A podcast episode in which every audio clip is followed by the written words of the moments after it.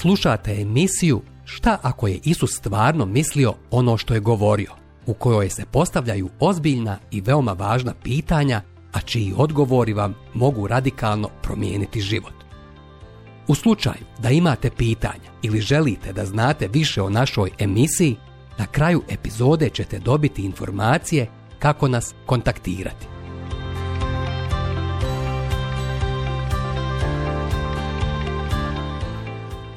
stradanja i progonjenost ne građuju. Blaženi su prognani zbog pravednosti, jer je njihovo kraljestvo nebesko. Blaženi ste kada vas budu vrijeđali i progonili i kada vas zbog mene lažno optuže pripisujući vam svako zlo. Radujte se i kličite. Velika je nagrada vaša na nebesima. Tako su progonili i proroke prije vas. Matej, 5. poglavlje, od 10. do 12. stiha. Nažalost, prečesto se molimo za odstranjenje onoga što nam donosi božanski blagoslovi nagradu. Isusovo obećanje blagoslova svima koji su radi njegovog imena progonjeni nije neki prijedlog ili mogućnost. Obećanje je. I to nije tek nagrada, velika je.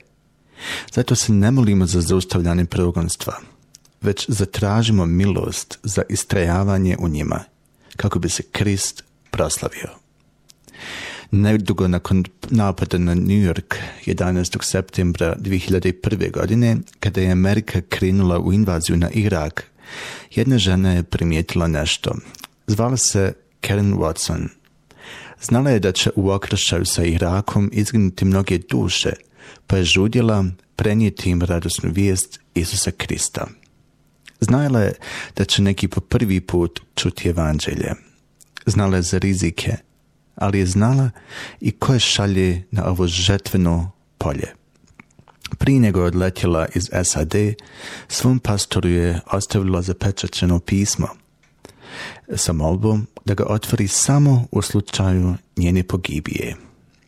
I tako je 2002. godine otišla u Irak i služila tamošnjem narodu, vjerno šireći evanđelje Isusa Krista i na dijelu pokazujući njegovu ljubav. I tako bio je mart 15. 2004. godine kada se u kancelariji njenog pastora oglasio telefon.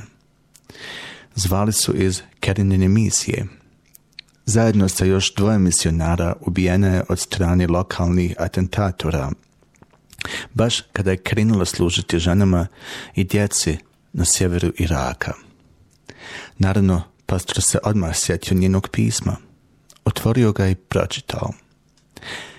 Nisam pozvana na neko mjesto, već njemu samom. Želim ga poslušati i zato očekujem stradanja, znajući da mi je slava nagrada. Ova žena nije bila zatečena stradanjima i smrću sa vječnošću u očima je otišla u Irak služiti gospodu, služeći ljudima. I za nju je život bio krist, a smrt dobitak.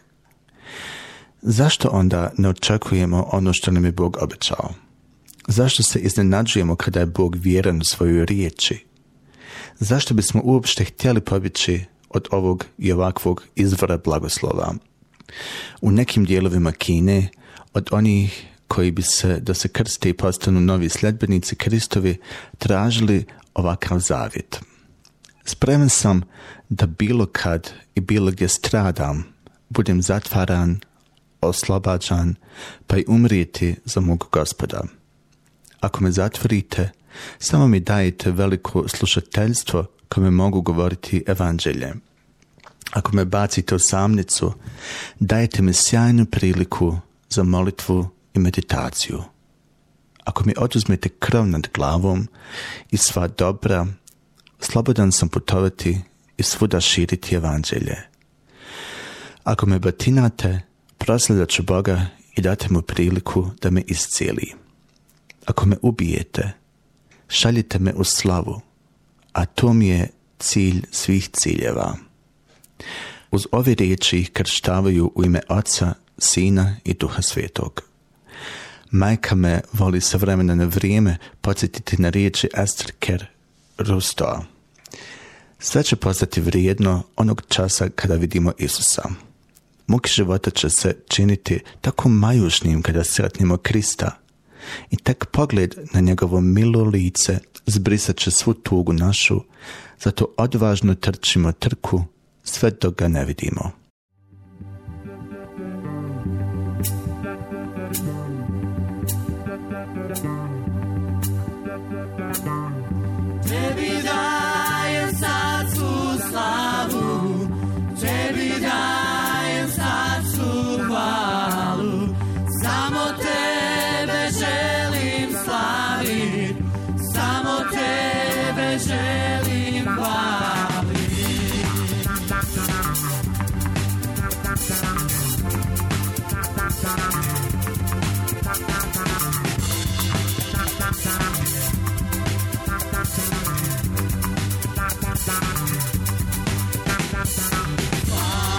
truth and I in access and free. Yeah, but you see, but you see, I stand on fire.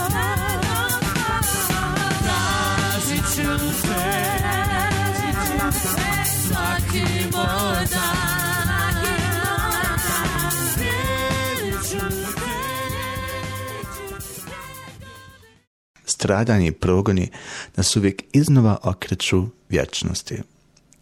Zato se ne predajemo jer čak i ako se naš spoljni čovjek raspada, onaj unutrašnji se iz dana u dan obnavlja. Jer lagana nevolja koja nas je trenutno snašla priprema nas za izvanredno i neizmjerno vječno izobilje slave. Mi naime ne pridajemo važnost onome što se vidi, nego onome što se ne vidi, jer vidljivo je privremeno, a nevidljivo je vječno. druga poslanica Korinčanima, četvrto poglavlje od 16. do 18. stiha. Kada sam 2014. godine bio u Grčkoj, tačnije u Atini, sjao sam na voz ne bih li provjerio priču koju sam čuo. Otišao sam u olimpijsko selo gdje se relativno skoro odigrala 28. olimpijada. I provjerio sam. Priče su bile tačne. Mjesto bi bilo zaraslo, zapušteno. Kao grad duhova i spomenik nečem davno odigranom. kom- kompleksom u koji je uloženo 10 milijardi dolara, nisam sreo živu dušu. Bilo je baš jezivo. Stadion, bazeni, atletske staze – sve je podsjećalo samo na prošlost. Osjećala se praznina. Nešto je nedostajalo. Veći dio zgrada je bio zamandaljen i ograđen. Konačno sam pronašao neku salu namijenjenu atletičarima. Sve je bilo nadrealno. Sjeo sam na jedno mjesto, zamislio se, čitao i molio. Čak sam i googlao da vidim to mjesto od prije desetak godina, vidio sam da su baš tu gdje sam bio sjedile uvažene face sa svih strana svijeta. I sve to je trajalo samo nekoliko sedmica. Otvorio sam to pismo i srce mi je poskočilo od Pavlovih riječi. Mi naime ne pridajemo važnost onome što se vidi, nego onome što se ne vidi, jer vidljivo je privremeno, a nevidljivo je vječno. Stih 18. Kako lako i kako brzo nestanu sva dostignuća, rekordi i medalje, zajedno sa ljudskim aplauzima. A kako i mi sami često žudimo za tim prolaznim završecima. Ove apostolove riječi nad da je sva naša ovozemaljska muka prolazna i da je predznak vječne stvarnosti. I to nije samo stvar priče, nekakvog podsjećanja na ono što dolazi. Ne, patnja nas priprema za izvanredno i neizmjerno vječno izobilje slave.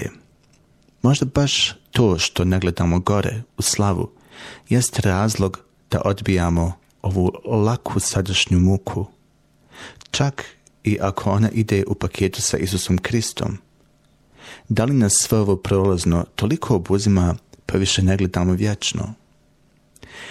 Da li naš odaziv izazovima, stradanja, čini da se i drugi zagledaju u istu vječnost, da promijeni fokus ili ih još više okreće jalovim nastojanjima koja prije ili kasnije završe kao atinski napušteni olimpijski park. Stradanje i progoni nam osvježavaju nadu. Smatram naime da patnje koje nas trenutno snalaze nisu ništa upoređeni sa slavom koja se ima otkriti na nama. Jer čitava tvorevina sa čežnjom iščekuje da se pokaže slava Božih sinova. Tvorevina je počinjena prolaznosti. I to ne svojevoljno, nego po volji onoga koju ju je počinio. U nadi da će i ona sama biti oslobođena robstva, propadljivosti, radi slobode i slave djece Božije. Znamo naime da čitava tvorevina uzdiše i muči se do sada kao žena na porođaju. I ne samo tvorevina, nego i mi koji imamo duha kao prvi od Božih darova. Također uzdišemo očekujući usinovljenje, otkupljenje svoga tijela. Nadom smo naime spašeni, a nada koja se vidi nije nada, jer onaj koji vidi, čemu da se nada? ali ako se nadamo onome što ne vidimo, to onda strpljivo očekujemo. Rimljanima, 8. poglavlje, od 18. do 25. stiha. Kako je lako klonuti, umoriti se. Ali i ove riječi nam ukazuju na blaženje posljedice stradanja. Dakle, nošenje križa ne samo da nas okreće vječnosti, već nas i osvježava, obnavlja nadu. A nada koja se vidi nije nada, jer onaj koji vidi čemu da se nada. I što je dakle nada? Očekujući blaženu nadu i slavno pojavljivanje našeg velikog Boga i spasitelja Isusa Krista. Kako je moguće da kao dio Kristove nevjeste tako malo žudimo za dolaskom ženika? Kao da nam je udobno u svijetu koji ga je razapeo voljeni moji, sad smo djeca Božja. A što ćemo postati, to nam još nije otkriveno. Međutim, znamo da ćemo, kad se on pojavi, biti njemu slični, jer ćemo ga vidjeti onakvog kakav zaista jeste. Svako ko polaže nadu u njega, čisti sebe kao što je on sam čist. Žudimo li biti poput njega? Stradanja, nevolje progoni bude u nama tu stvarnost. Naša nada nije duže poživjeti na ovom svijetu, već biti kraj njega. Jer u ovom šatoru uzišemo i čeznimo da preko njega obučemo na sebe naše nebesko prebivalište. Zaista, kada ga obučemo na sebe, nećemo biti neodjeveni.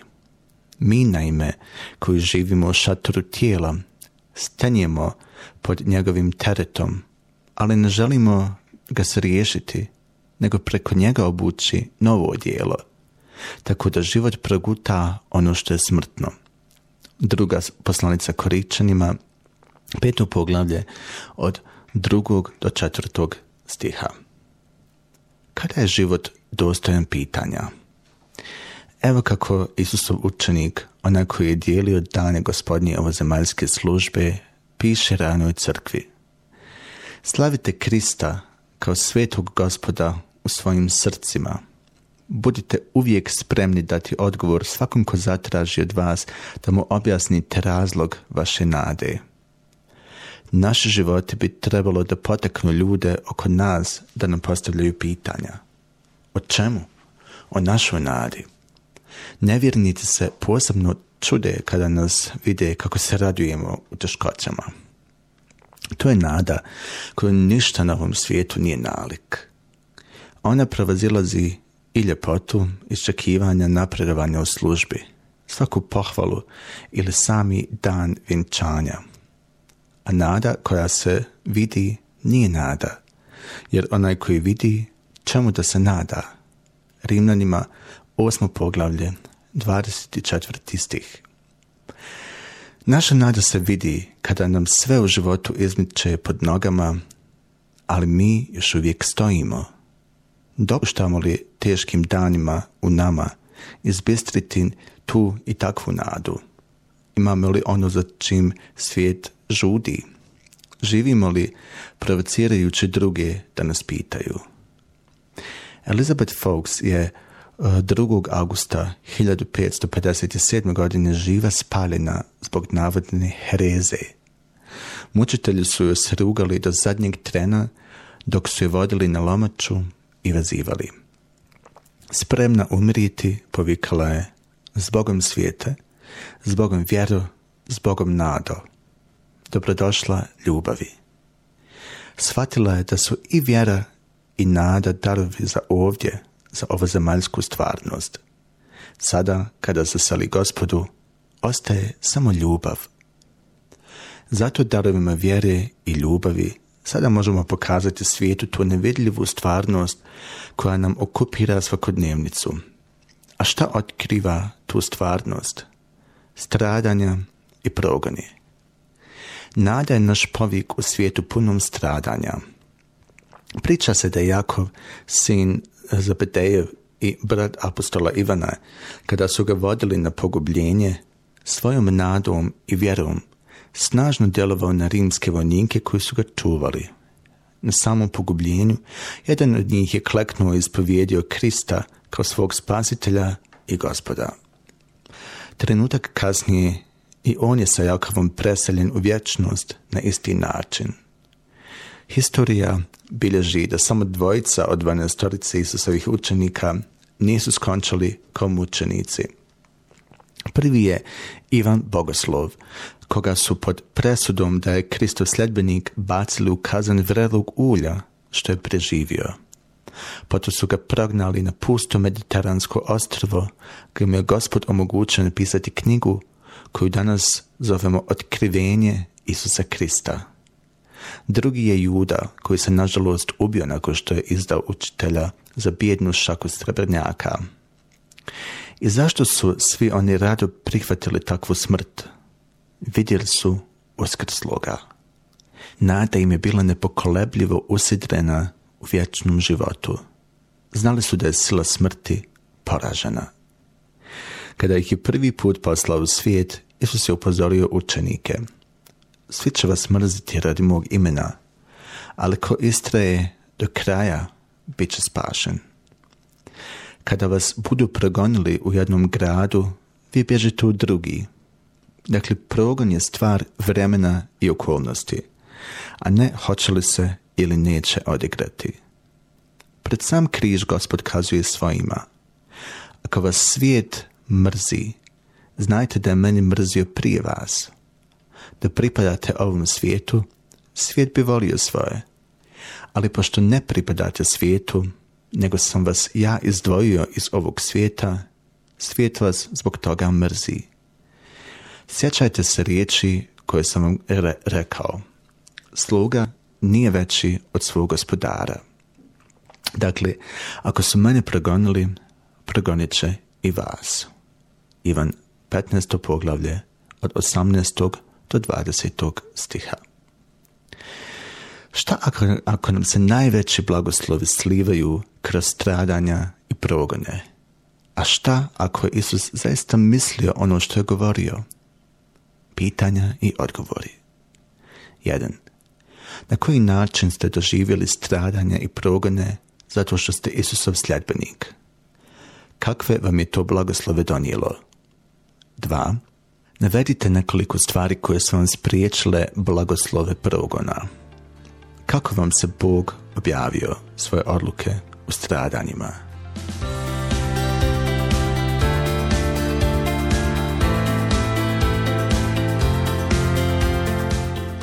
Hvala vam što ste slušali današnju emisiju. Kontaktirajte nas putem našeg e-maila putpravednosti.bih ili putem naše Facebook stranice Put pravednosti. Zapratite nas na Facebooku i Instagramu. Do sljedećeg slušanja.